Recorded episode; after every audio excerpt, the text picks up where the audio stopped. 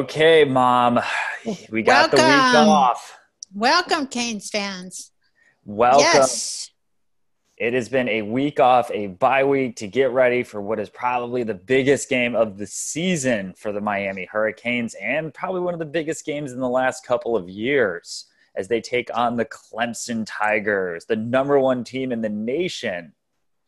The game we've been awaiting all the last month yes. because we weren't going to play Clemson originally. Yeah, exactly. The game we've been waiting for about a month and a half. So the Canes go into Death Valley for the first time. Actually, I think that they've played up there since we went in 2010, which is pretty that's, amazing. Yeah, that's what I was thinking. It's been a long time many years. And the last time we were there, we did have some success. Actually, the last time, two times the Hurricanes have played up at Clemson, they have won both games. So, hoping that that trend stays the same going into this one, we've actually haven't had a lot of success against Clemson in Miami. Now, thinking back on it, I think four straight losses in Miami against Clemson. So, we just have to get on the road, it seems like, against them. Boom, done. Podcast is over. There we go. Solve it. We're going to win. All right. Bye, everyone.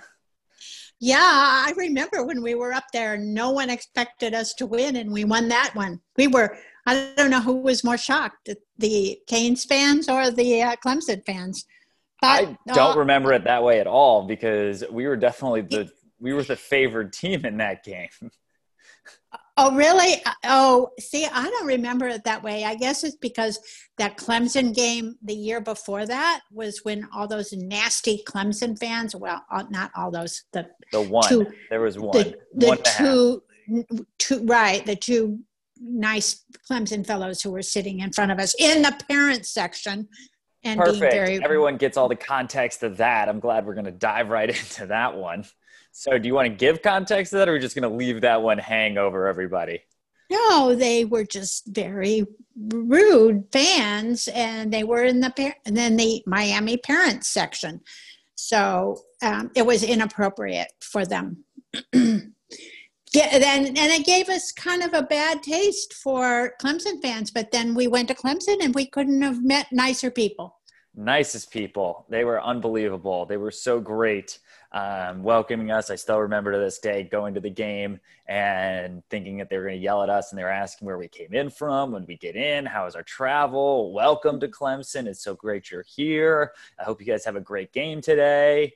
Um, I, that was also before they won some national titles. The last time I went uh, to the ACC championship game, not as friendly as they were before. Um, I bet not. But definitely, yeah, they were. You know, when we were beating them pretty well, they were just like, "You guys got a great team. Things are going to go awesome." And then we did not end up that well by the end of that 2010 year. And then uh, Dabo Swinney with Clemson actually was on the hot seat that game, and he stayed. Randy Shannon did not by the end of the year, and look what's happened to the programs, which leads us to 2020, 10 years later, which is pretty incredible to say. And again, we have the number one ranked team in Clemson versus the number seven ranked team now, the University of Miami Hurricanes, going against a, a, a powerhouse for sure, and what is hopefully a statement game for the University of Miami and not an embarrassing game by the end of it. I hope not. Oh my gosh, we've had enough of those. We have had enough of those, especially at the hands of Clemson. Now, Clemson is very strong. We know about Trevor Lawrence, the quarterback, who is a Heisman favorite, who's been one of the best quarterbacks the last two years into this year of college football. We know about I, Travis. Right, a Heisman favorite. I, I think they already have the Heisman in the lobby there waiting for the end well, of the season. I mean, he's it, he's definitely won for sure, but he, actually, the real Heisman winner from Clemson could come from Travis Etienne, the running back, uh, who is definitely the best running back in college football right now. Yes, and we get to face him. Oh boy.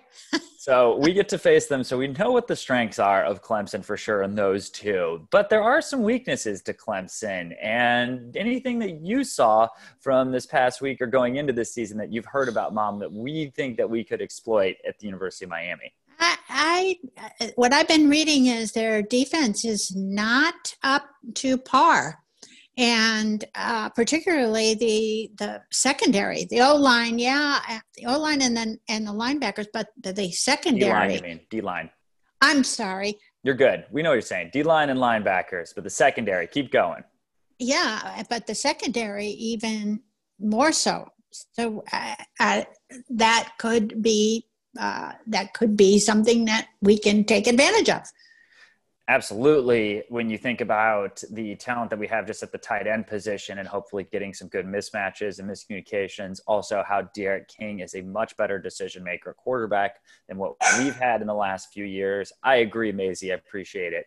So they did um, they did lose a lot of secondary players last year with new guys in. Now, what worries me a little bit, Mom, is the amount of focus that everyone's put on that secondary and Maisie's already saying the secondary is going to be pretty bad. But that's what gets me worried, Maze, and I need you to relax on that because that's a good that's one of those like bulletin board materials where all of a sudden they're going to come out ready to play harder as a secondary because they want to prove and they're tired of the noise well i think you have a i think you have a great point and certainly that can be a motivation for players to have a lot of uh, yeah i don't want to say negative publicity but not the best publicity. But i also think that um, our coaching staff is smart enough to perhaps have figured that out and might be prepared for it i, I can only hope Yeah, I mean, again, they're trying to attack the weaknesses of that secondary, so they, they better be prepared, especially since that's the one that's known. Um, I just hope that that secondary doesn't come out ready to play and shocks our team. Um, so that's that's definitely definitely a concern of mine of how much that's been uh, as a narrative and a storyline with this with this Clemson secondary and defense. Now, the offense for Clemson, as we know about Etienne and Lawrence, we said are so good now, there are some weaknesses, and you were bringing up a stat before we started about they've been in a lot of what, second and third and longs? Yes, they have been, which is uh, when you have somebody like Trevor Lawrence, it's kind of surprising. I mean, I haven't watched their game, so I, I really don't know. Uh, but that's what I've been reading, as and Maisie has been too. That's for sure. And I'm glad she's commenting on it. Um, she has a lot of thoughts this game, which is good though, but that's why it's a big game though, is a lot of people have thoughts on it. I, I think that's what helps is that you do have Etienne and you have Lawrence to bail you out in situations like that. Again, the defense that they've been playing have not been as talented as University of Miami.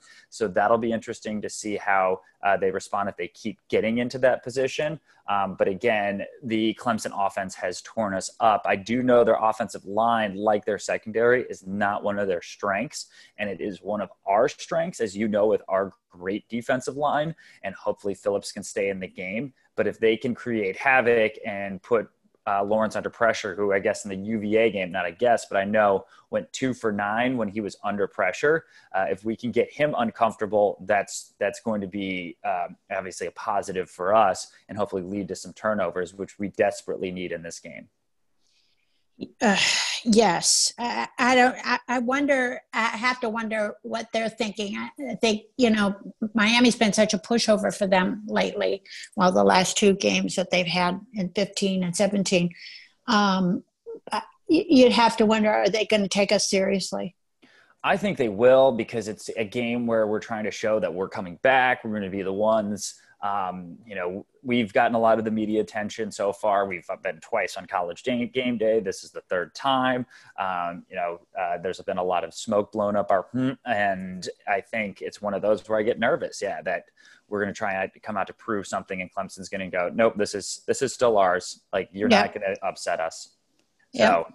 And again, we've only scored three points the last two times we've played them, and they've scored over 90 they they do have her number. Yes, they do. I, I hopefully that won't happen again. And so the key to that is what Miami's been so successful against Florida State and Louisville is that they came out and they scored fast and they scored early in the game.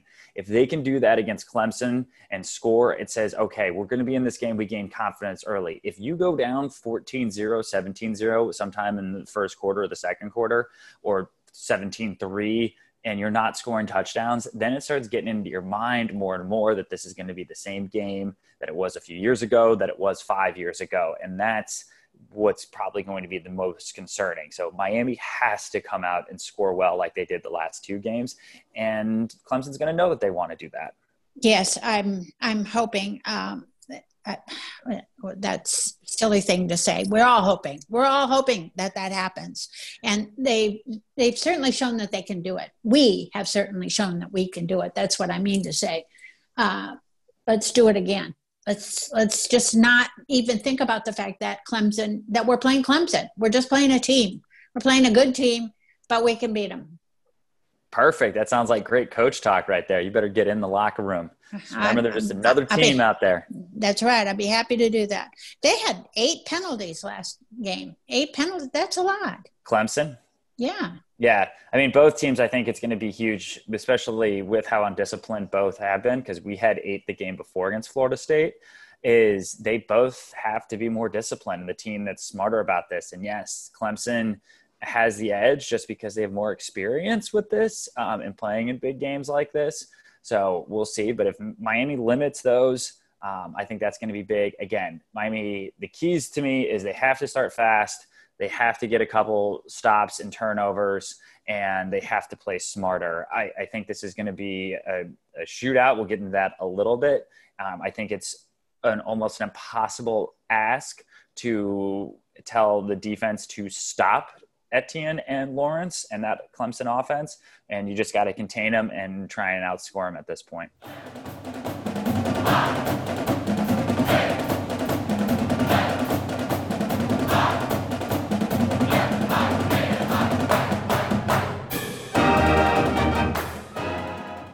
Okay, mom, there's no red beans and rice this past week, no chocolate chip muffins because of the bye week. They're in the freezer ready to go for next week, and hopefully we have a lot to pass out. So we're going to skip over that and get into our predictions here. We kind of already talked about that earlier in the podcast of kind of keys to the game, but here we go. Let's see where your heart is and where your head's at on this game, mom. Yeah, well, first of all, uh, yeah, I have multiple servings, so um, I'm hoping I can give out lots of awards this this week. I think I, that's important to stock up. You know, we got we got to bring them out this week. Whatever it takes. Hey, I'll walk down there with uh well, maybe not walk down there. All right, let's yeah, let's maybe hold that, off that, with the whole hip surgery thing right now, um, and not walk down there. But yeah, we we get what you're saying. Okay, so you're looking for my prediction? Yes, I am. I think I do think this is going to be a high scoring game. I do think that we're going to score against them. I'm I hate to say it. I don't think we're going to win. I want to say we're going to win. I want desperately to say we're going to win. And I, there will be nobody happier. I will be dancing around the house if we win. But um, I don't think we're going to win. But my prediction is that the score will be 48 to 35. Nice. I like, like that prediction. And I, you know, before this, I was going to get on and I had a different feeling. But hearing you say it, I don't know. I just changed my mind. And now I just have this better feeling that we're going to win this game. Um, I thought we might lose a heartbreaker, 45 to 42, but I'm going to flip it the other way around. I think we're going to win a Clemson heartbreaker 45 to 42. And Miami shows that they're ready to come back. We jump into the top five. It's a battle, both back and forth. D'Eriq T. King finally kind of grabs that Heisman away from Clemson. You know what? I'm changing my mind. I wasn't too confident, but I don't know. Something just in the last couple minutes. I think we win this game now. I love your optimism. I absolutely love your optimism. I don't know. I, you know, I have this kind of funny feeling about this game also. Um, but I, I'm, I'm very, I, I, my prediction has to be conservative. That, that makes sense. And it'll be different because obviously Clemson's not as full. You know, the home field advantage isn't the same that it usually is. So I think that gives us a little bit more opportunity. Uh, obviously, sorry, it, it's not as full just because they're only letting a certain amount of fans into the stadium. Right. I mean, when I was watching the Virginia game, and while there was a good amount of fans there, it's still just not the same atmosphere. And, you know, Miami saw that at Louisville. They've been playing at Miami. It, it, you know, it's really levels the playing field down a lot more when you're when you're not dealing with the same type of opposing crowd and all of that. So it'll be interesting to see how they respond. But yeah, you know, just maybe things break our way this time. I'm feeling it a little bit. You know, I'm bringing some optimism. It's been a good week in Miami, you know, holding out on a few things here. The Heat are holding on in the finals now. You know, the Marlins advanced to another playoff series. And by the end of the week, this all could come crashing down, and Miami's not as good anymore in any of these sports. But hey, I'm going to believe as of today yes, we had a good weekend last weekend, uh, so let's let's assume that we're going to continue to have a relatively decent week. Uh, you know, their winning streak has to be broken by somebody. Exactly. Might as, might a, as well be by us. That's such a great point. You know, somebody's got to put.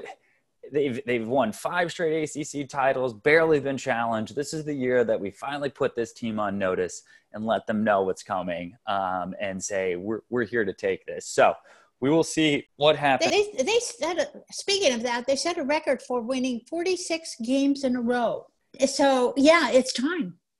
Yeah, 46 regular season, I think, because they've they've lost a couple times in the postseason um, in the college football playoff because they didn't win the national title this year. But still, you're right. It's time. It's time for it's time for the Canes to get back. It's time for Clemson uh, to start feeling maybe that they're on they're not at the same level that they were. Alabama had to lose at some point too, so we can get it done. I think we do it. Anyway, let's break it down. Let's get people out for this great week of Miami football. Hey, we are top seven. We're number seven. Clemson's number one. This is the matchup that you want. This is going to be exciting. Let's, this is going to be fun. Let's stay in this game. Make it a great game. Make it a ton of fun. You ready to break it down with me? I am. All right. Uh, uh, C A N E S. Canes. Look at that. Look at us. Finally getting there with it. All right, it's been another episode of Walking On with Chris Hayes featuring Mama Hayes, a huge game for the University of Miami. And let's hope that we're singing and giving all the red beans and rice and chocolate chip cup muffins next week, Mom. Get us out of here. Go Canes!